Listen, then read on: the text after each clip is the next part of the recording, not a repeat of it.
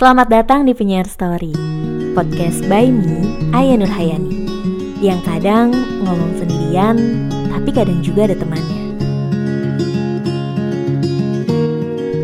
Shh, Please silent Karena gue mau ngomong dan lo dengerin. Halo, Penyiar Story sekarang masuk di episode 21 By the way, dunia tuh lagi kenapa ya? COVID-19 Oke, gue gak akan ngomongin COVID-19 ini dalam dalam sudut atau dalam sisi kesehatan. Karena itu memang bukan topoksi gue, yang ada nanti malahan salah ya kan. Tapi jujur, pandemi ini memang dilihat dari sisi mana pun, dari sudut pandang mana pun, tidak ada sama sekali yang diuntungkan dengan adanya pandemi ini. Semua mengalami kerugian kalau mungkin mungkin nggak rugi secara materi tapi psikisnya mungkin ngalamin kerugian juga oke okay. gue nggak akan ngomongin panjang lebar karena udah banyak banget ya orang-orang ngomongin Corona, COVID-19, ODP, PDP, positif, negatif, kasus ini bertambah lagi, kasus ini bertambah lagi, dan lain sebagainya banyak banget. Kita tuh dibombastis banget sama informasi-informasi dari sosial media, dari mulut ke mulut, dari semuanya, dari media apa pun kita tuh dibombastis banget, ya gak sih? Gue waktu awal-awal kasus ini ada dan kasus ini kalau kita tarik mundur memang e, terdengar di dunia ini e, berasal dari kota Wuhan di Cina itu akhir 2019 sekitar November atau bulan Desember Lalu masuk di Indonesia untuk pertama kalinya Presiden Joko Widodo mengumumkan itu pada tanggal 2 Maret di mana ada pasien atau kasus 1 dan 2 yang positif corona yang tertular dari orang Jepang pada tanggal 14 atau 15 pokoknya pertengahan Februari. Di situ mulai jujur eh, tanggal sebelumnya itu tanggal 2 diumumkan, sebelumnya itu tanggal 29 Februari sampai tanggal 1 gue abis nonton konser Java Jazz, Java Jazz Festival 2020. Iya, di situ gue ngerasa kayak, oh my god, kayak ya mungkin emang awal banget ketika gue ada di tengah-tengah ya masih sama kayak tahun-tahun lalu gue berpikir bahwa ya udah memang gue udah melihat ada beberapa orang asing yang menggunakan masker terus gue sendiri agak sedikit menjaga jarak dengan orang lain walaupun pada waktu itu sosial maupun physical distancing belum diumumin gitu, belum disosialisasiin. Tapi gue udah menjaga diri gue sendiri kayak, aduh nggak mau ah takut gitu dekat-dekat orang juga. Gue mikirnya kayak gitu karena yang gue tau memang penyebarannya, nah ini, oke, okay, ini yang sangat amat bikin gue tuh, aduh gue pengen nangis deh. nggak maksudnya gini, yang pada akhirnya gitu gue sadarin ya kan, uh, kita tuh sebagai manusia pada waktu-waktu ini gitu dituntut untuk menjadi manusia tunggal gitu, manusia yang individual individualis gitu. Dalam artian dalam konteks yang yang yang bukan berarti oh gue harus eh, nggak uh, peduli kemanusiaan enggak gitu. Maksudnya dalam artian segala sesuatunya sendiri gitu. Kayak misalnya yang tadinya kita sharing mukena untuk wanita ya, muslimah yang beribadah. Ini nggak boleh, harus bawa mukena masing-masing sendiri, nggak boleh gantian. Yang tadinya mungkin kita satu sama lain suka sharing makanan, ini nggak boleh. Udah ini punya lo, punya lo gitu. Atau mungkin tempat duduk yang bener-bener ini bekas lo ya bekas lo gitu. Udah nggak boleh di diganti sama orang lain gitu. Tuh bener-bener yang kayak bisa kita bisa gitu. Karena kan manusia fitrahnya itu adalah manusia yang makhluk yang sosial gitu. Butuh yang namanya berinteraksi. Kalaupun kita uh, hanya seorang diri dan melakukan apa pun sendirian mungkin kita nggak akan mati karena COVID-19 ini. Tapi kita akan mati secara perlahan karena kita telah keluar dari fitrahnya. Yaitu tidak adanya interaksi antara manusia satu dengan manusia yang lainnya. Aduh gue merinding deh. Karena gue ngerasain di ah, di awal banget ketika akhirnya virus ini masuk ke Indonesia. Terus gue sebelum habis uh, nonton Java Jazz Festival, di mana gue masih me, me, apa ya merasakan kerumunan orang, gue masih nyanyi nyanyi, uh konser yang pulang pagi kayak gitu kan. Terus sampai akhirnya diumumin lalu lanjut di uh, minggu pertama Maret itu gue masih masih ngadain gue masih dinas uh, keluar kota ke Surabaya dan gue bertemu banyak banget orang karena memang acaranya workshop ya. Dan itu tuh bener-bener banyak banget. Gue masih cipika-cipiki salaman dan cipika-cipiki sama ibu-ibu maupun mbak-mbak di sana yang kayak gak ada belum ada pemikiran bahwa ya udah udah ada yang positif kita emang harus jaga aja. Tapi memang gue udah selalu bawa hand sanitizer atau mungkin tisu basah yang selalu oh sebelum gue makan biasa gue pakai sebelum gue makan gue akan kalau memang nggak ditemuin air yang mengalir gue akan pakai itu gitu. Terus berubah. Sampai di tanggal gue inget banget di tanggal 17 atau 18 Maret gitu itu gue belum belum kerja dari rumah. Walaupun Pak Presiden itu sudah sekitar tanggal koreksi gue kalau gue salah ya pertengahan Maret deh sekitar 14 atau per 16 atau 17 Maret gitu mulai diberlakukannya belajar beribadah dan bekerja dari rumah.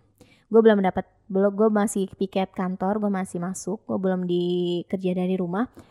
Di sana gue udah mulai agak sedikit noit antara manusia satu dengan manusia yang lainnya jujur gue takut gitu. Itu waktu awal-awal banget gue mau mulai kayak memahami gitu ini tuh apa, virus apa, penularannya, penyebarannya melalui apa, bagaimana caranya, yang terus gimana nih penanganannya, obatnya apa, gue mencari tahu berbagai macam sumber informasi.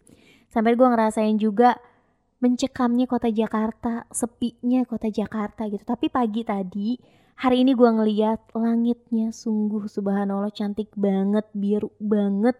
Ada gumpalan awan-awan putih, tapi cantik. Dan udaranya subhanallah. Subhanallah tuh emang udaranya tuh ah nggak tahu lagi nih. Maksudnya kayak ah sedih. Maksudnya kayak alam gitu. Bahkan mungkin uh, baik langit atau mungkin udara atau mungkin tanah atau mungkin air atau apa pun gitu.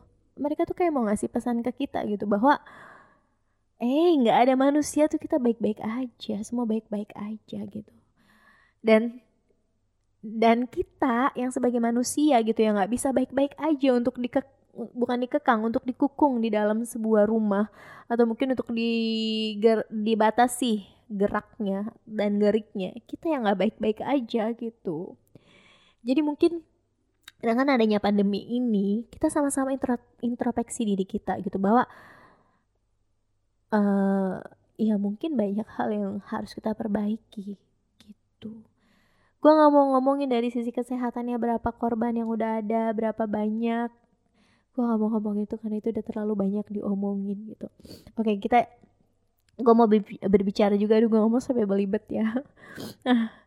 karena uh, menurut gue, gue baru pertama kali, semua orang juga mungkin baru pertama kali ngalamin ini, ini tuh apa gitu, ini tuh apa gitu. apalagi ya dengan adanya cerita-cerita dari berbagai temen gue dari beberapa temen gue yang itu sangat bikin gue tuh akhirnya kayak oh iya mempelajari memahami dan perlahan-lahan gue kenal virus ini tuh apa dan gue harus kayak gimana itu gue tahu gitu. Karena temen gue satu adalah ojek online driver ojek online dia uh, beroperasi atau bekerjanya di daerah Jakarta. Nah, terus dia ngomong sama gue satu hari di akhir sekitar akhir Maret dia ngomong sama gue, "Ai udah sepi banget jalanan," katanya. Gue milih mau pulang kampung aja, lagian istri gue lagi hamil juga 8 bulan anak kedua, dia bilang kayak gitu. Tapi uh, dia saat itu juga kayak gue titip titip ya adalah kayak apa ya yang bisa dia berikan gitu. Dan dia pulang lalu sehari di kampungnya dia ngomong ke gue ay uh, di sini katanya di kampung gue kayak nggak dapet tempat gitu karena uh, beberapa tetangga bahkan keluarganya itu sempat menuduh dia atau menjauhinya karena takut si teman gue ini positif COVID-19 padahal sebelum pulang kampung dia udah periksa dan hasilnya negatif tapi karena mungkin teman gue ini juga punya gangguan pernapasan dari lama, dari lama sejak lama gitu. Jadi orang-orang sekitar atau orang-orang tetangganya, orang-orang kampungnya itu panik dan takut. Dan akhirnya dia diisolasi. Bener-bener gak boleh keluar rumah dan harus di dalam kamar aja. Dan dia ngomong sama gue, ya ya emang gue mungkin harus dikarantina dulu selama 14 hari kata dia. Tapi ya tekanan gitu mereka tuh menganggap gue tuh udah positif aja gitu stigmanya tuh kayak gue dikucilin kok gue kayak diskriminasi banget gitu. Padahal gue cuma mau keluar mau sholat aja dia bilang kayak gitu. Tapi nggak boleh ay kata dia kayak gitu. Terus kalau di Jakarta gue udah kesusahan nyari uang gitu. Gue udah nggak tahu mau ke mana dan gue pulang ke kampung gue. Tapi gue juga dapat kayak gini gue harus ke mana? Ay dia nanya kayak gitu sama gue yang kayak gue nggak tahu gitu. Terlalu banyak air mata terlalu banyak banget air mata yang ngalir dengan adanya pandemi ini gitu. Terus juga ada teman gue yang yang udah yang udah dua tahun ini di uh, positif HIV gitu. Dan dia ngomong sama gue orang-orang kayak gue ay kalau pada akhirnya harus terpapar virus COVID-19 ini, gak ada lagi yang bisa gue harapin katanya. Dua tahun ini dia berjuang dengan minum ARV tanpa jeda, tanpa putus. Dia minum obat itu supaya menidurkan virus yang udah ada dalam tubuhnya, dalam dirinya selama dua tahun ini. Dan tiba-tiba ada virus baru. Kalau virus itu masuk, dia gak tahu lagi. Tapi dia bilang sama gue, ini yang menarik juga dengan adanya virus ini, yang bisa menjaga diri gue adalah diri gue sendiri. Iya memang ada Tuhan, dia bilang itu gue meyakini itu. Tapi toh ada ikhtiar juga, kan kita gak bisa pasrah kata dia. Dia bilang sama gue, kalau biasanya gue mungkin bangun jam berapa, dia bangun lebih pagi. Kalau biasanya gue mungkin minum air ketika haus, sekarang enggak. Gue lebih minum minum banyak air putih lebih sering gue juga minum banyak vitamin herbal gue banyak olahraga juga banyak gerak dia bilang kayak gitu jangan sampai jangan sampai dia bilang virus itu masuk begitu aja dalam tubuh gue. Dan membangunkan virus yang udah lama gue tidurin katanya. Virus yang lama tidur di dalam tubuhnya gitu. Nggak bisa. Kalau udah bangun mungkin gue juga nggak ada. Mungkin dia bilang di rumah sakit juga nggak ada lagi yang mau nolongin gue. Kalau bayangin dua virus ada. Dua virus mematikan ada dalam tubuh gue. Jadi yang bisa gue lakukan adalah berjuang dua kali lebih keras dari biasanya. Dua kali, ay. Aduh sedih deh. Terus temen gue ini bilang, tapi sejak dua tahun lalu, ini sangat amat gue garis bawahi. Temen gue ini bilang, tapi sejak dua tahun lalu ketika hasil dari cek HIV itu keluar dan gue positif, gue selalu ngerasa ay kematian itu adalah kepastian yang sangat amat dekat jadi ada ataupun gak adanya virus corona ini kita akan tetap menghadapi kematian di situ gue kayak ngerasa iya gitu iya gitu ada nggak adanya virus corona kita akan tetap menghadapi kematian gitu cuma ya iya kita juga harus berikhtiar berupaya mencegah bagaimanapun caranya. Dan jangan lupa bertawakal, lalu berpasrah. Satu lagi cerita teman gue yang usaha. Ya wedding, ya uja, usaha online, ya event organizer, ya pengusaha kafe. Mereka tutup semua. Mereka bilang sama gue, ya gue harus kayak gimana? Ay apa gue harus nekat? Gitu. Sedangkan aparat pemerintah itu udah ngelarang harus di rumah aja. Tapi kalau gue nggak keluar kalau gue nggak buka kafe anak istri gue mau makan apa ay gue nggak bisa jawab karena emang gue nggak tahu. Gue gue kampanye gitu gue dengan asik kayak kampanye udah di rumah aja ya jangan ngeyel gue bilang gitu. Tapi gue lupa bahwa di luar sana nggak ada beberapa orang yang nggak bisa. Bahkan bokap gue pun masih keluar rumah. Ya nggak bisa menikmati ya di rumah aja gitu di rumah aja tapi bisa makan gitu. Mungkin gue gitu gue masuk ke golongan orang yang kerja iya gue kerja untuk menyenangkan diri gue gitu. Gue untuk nyari duit buat traveling nyari duit buat beli baju buat beli tas buat belanja-belanja online atau mungkin buat nonton buat hiburan gitu. Nyari duit ya itu gitu menurut gue. Tapi ada gitu satu bahkan banyak orang gitu yang mereka itu harus keluar rumah nyari duit buat makan hari ini gitu. Buat makan bukan hari ini malahan pagi ini siang ini mau makan apa gitu. Kalau mereka nggak keluar rumah ya mereka nggak makan. Itu yang kemudian bikin gue kayak apa ya?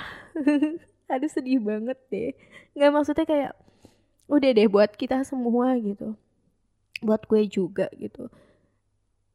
Nggak usah nggak usah juga menstigma orang-orang yang positif. Hey penyakit ini tuh bukan penyakit bukan penyakit memalukan bukan penyakit bukan penyakit yang yang apa ya yang didapat dari hal yang yang yang memalukan intinya gitu. Ini penyakit gitu. Dan orang-orangnya itu yang positif adalah korban gitu. Ketika lo akhirnya menstigma kita balik lagi deh ke ke rumus atau ke pepatah atau ke peraturan yang sejak dulu diterapkan. Jauhi penyakitnya bukan orangnya gitu. Udah cukup gitu. Kita kita nggak lupa kan walaupun pandemi ini ada walaupun akhirnya antara individu satu dengan individu individu yang lainnya itu saling mungkin mencurigakan. Tapi kita nggak lupakan bagaimana cara memanusiakan manusia. Bahkan ada gue dapat juga cerita dari temen gue yang dibilang ibunya meninggal karena covid-19 lalu anaknya dikurung dalam rumah dan gak nggak boleh keluar nggak boleh interaksi. Bahkan gue baca berita ada jenazah yang ditolak yang nggak mau yang nggak mau yang nggak boleh dikubur. Kok sampai segininya gitu? Maksud gue kita tuh lagi kenapa sih? Kita tuh lagi kenapa ya gue tahu gue takut gue sama gue juga takut gitu tapi kita sama-sama yuk bertumbuh kita sama-sama memahami kita sama-sama mempelajari apalagi hal yang paling menurut gue menyedihkan tapi juga akhirnya membuat gue Ih, kita harus semakin dekat sama Tuhan kita. Sebentar lagi Ramadan datang. Terawih, buka puasa bersama, silaturahmi. Bahkan di ujung nanti sholat idul fitri. Dari Kementerian Agama MUI udah ngeluarin bahwa ditiadakan tarawih berjamaah ya. Kita harus kita tetap bisa melakukan ibadah dari rumah. Ditiadakan buka puasa bersama. Ditiadakan bahkan sholat idul fitri. Dan untuk para perantau dilarang mudik. Patah banget gak sih hatinya hati lo. Terus kita bisa apa gitu? Kita bisa ngelakuin banyak hal. Kita bisa ngelakuin banyak hal. Dan dengan adanya pandemi ini gue juga ngeliat empati orang. Di mana mana gue ngeliat empati orang banyak banget. Dari yang mulai galang donasi dari yang di yang mulai apa ya menyebarkan kebaikan-kebaikan. Banyak banget gue lihat dari tapi Coba deh ditengok lagi. Paling deket tetangga kanan kiri kita. Jangan sampai perut kita kenyang tapi tetangga kanan kiri kita tuh nggak makan. Atau mungkin saudara-saudara kita yang jauh coba dihubungin. Gimana kabar mereka gitu. Pandemi ini tuh sungguh menyerang semua orang gitu. Ya mungkin kita alhamdulillah dan semoga kita selalu terjaga dan tidak per dan nggak pernah ngalamin positif virus tersebut gitu. Tapi kita tetap ngerasain dampaknya. Mungkin materi kita aman, tapi sosial kita, psikis kita. Kangen kan traveling? Kangen kan datang ke kajian atau majelis taklim? Kangen kan nongkrong di kafe? Atau nonton konser karaokean bareng sama teman-teman? Kangen semua itu kan? Karena kita itu manusia. makhluk sosial yang butuh interaksi. Aduh sedih banget deh. Jadi kayak kayak ya kita harus tetap ngejaga juga jangan lupa ikutin semua anjuran yang diberikan dari pemerintah, kebijakan-kebijakannya apa pun itu, tapi kita juga jangan lupa pakai hati kita, nurani kita untuk tetap memanusiakan manusia untuk menjauhkan diskriminasi, stigma atau apa pun itu yang dapat kita itu disuruhnya physical distancing ya. Jarak cukup jarak fisik fisik kita aja yang berjarak. Sosial kita jangan. Atau mungkin hati kita juga jangan berjarak. Kita harus tetap bersatu ngelawan ini dan kita harus yakin bahwa pandemi ini juga akan berlalu. Gue juga ngeliat banyak banget orang-orang galang donasi bagi-bagiin sembako apalagi menje mau menjelang Ramadan. Terus beliin tiket mudik yang atau uh, kalau memang masih diperbolehkan karena memang ada beberapa wilayah yang sudah melockdown. Masalah lockdown juga itu luar biasa banget. Yuk kita kaji lagi lockdown itu apa. Dan kita kaji lagi orang-orang yang keluar rumah itu kenapa kalau memang mereka penting kalau memang mereka nggak bisa makan kalau nggak keluar rumah ya tolong jangan dibilang ngeyel gitu. Ya lo mau gitu biayain mereka hidup makan. Lo mampu kalau mampu silakan. Lo boleh bilang ngeyel lo udah dibilangin gak boleh keluar rumah masih keluar rumah silakan.